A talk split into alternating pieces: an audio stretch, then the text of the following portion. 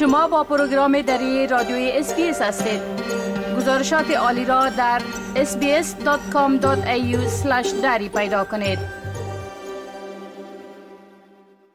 تحقیقات جدید یک نهاد حامی اطفال به نام Act for Kids نشان می دهد که عده زیادی از نوجوانان استرالیایی احساس تأثر و دلهره خود را با دیگران شریک نمی سازند.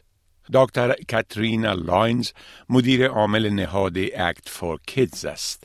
او ضمن ارائه معلومات درباره این تحقیق می گوید که نتایج نشان می دهد که از هر پنج نوجوان استرالیایی شامل دسته سنی 14 تا 17 سال دو تنشان وقت احساس نگرانی می کنند درباره آن با کسی صحبت نمی نمایند. دو سوم آنها درباره ظاهرشان و از هر سه نفر دو نفر درباره مکتب نگران هستند. او این مسئله را مایه نگرانی فراوان در مورد صحت روانی جوانان استرالیا می داند. Yes, Act for Kids commissioned research which asked 304 young people a range of questions, including what they were worried about, if they talked to someone when they're worried, and if they felt listened to. And the results of the research were really quite concerning because 40% of young people say they don't talk to anyone when they're worried. 66% of young people we interviewed said they worried about their appearance, and 64% said they worried about their school. This includes grades and also what their classmates thought of them.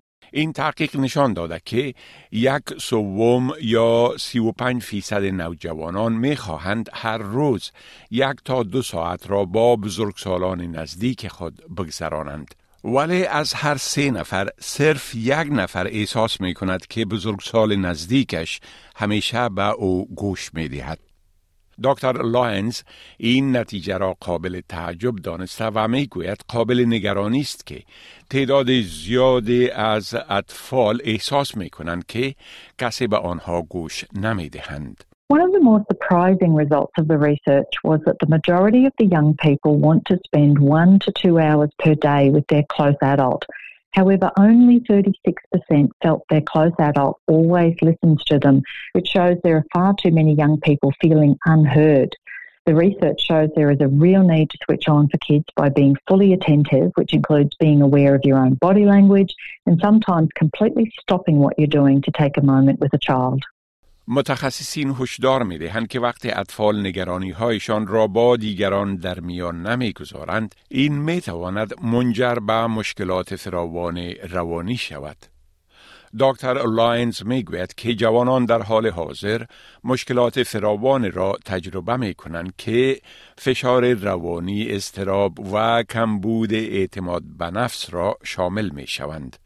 او ابراز عقیده می کند که احساس تأثیر، تشویش و قهر در بین نوجوانان می تواند با مشکلات روانی جدی در حال حاضر یا در آینده منجر شود.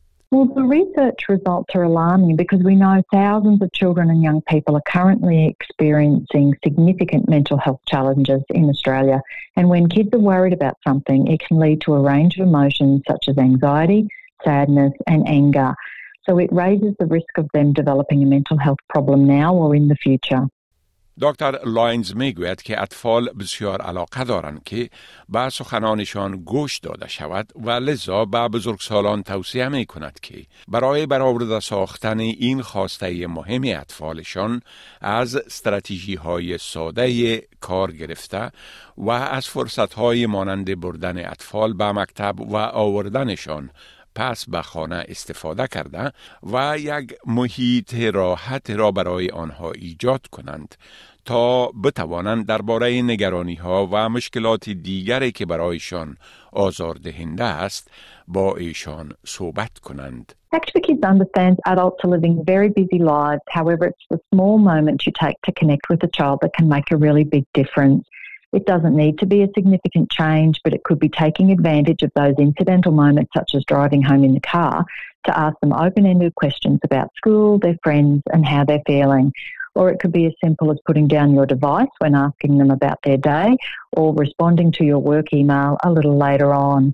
Another really important strategy we would like to encourage is adults getting comfy switching on for a child but not solving their problems because the research shows children and young people really just want to be heard.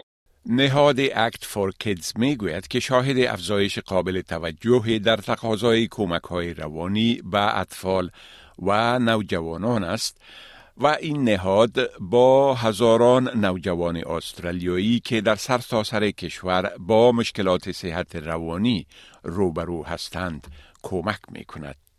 این سازمان حامی اطفال و نوجوانان استرالیا می گوید برای اطفال و نوجوانان در کاهش خطرشان به ابتلا به مشکلات صحت روانی هیچگاه چیز مهمتر از صحبت با یک بزرگسال نزدیک در زندگیشان وجود ندارد. همین علت است که در هفته حمایت از اطفال از 3 تا 9 سپتامبر بزرگسالان تشویق می شوند که توجهشان را از چیزهای دیگر برگردانند تا فرصت برای گوش دادن به گفتنی های اطفالشان داشته باشند. برای کسب معلومات بیشتر و دریافت نکاتی در مورد نحوه برگرداندن توجه به فرزندان و معلومات دیگر در ارتباط با کمک با اطفال به وبسایت Act for Kids به آدرس actforkids.com.au slash get-comfy مراجعه کنید. بپسندید، شریک سازید و نظر دهید. اسپیس دری را در فیسبوک تعقیب کنید.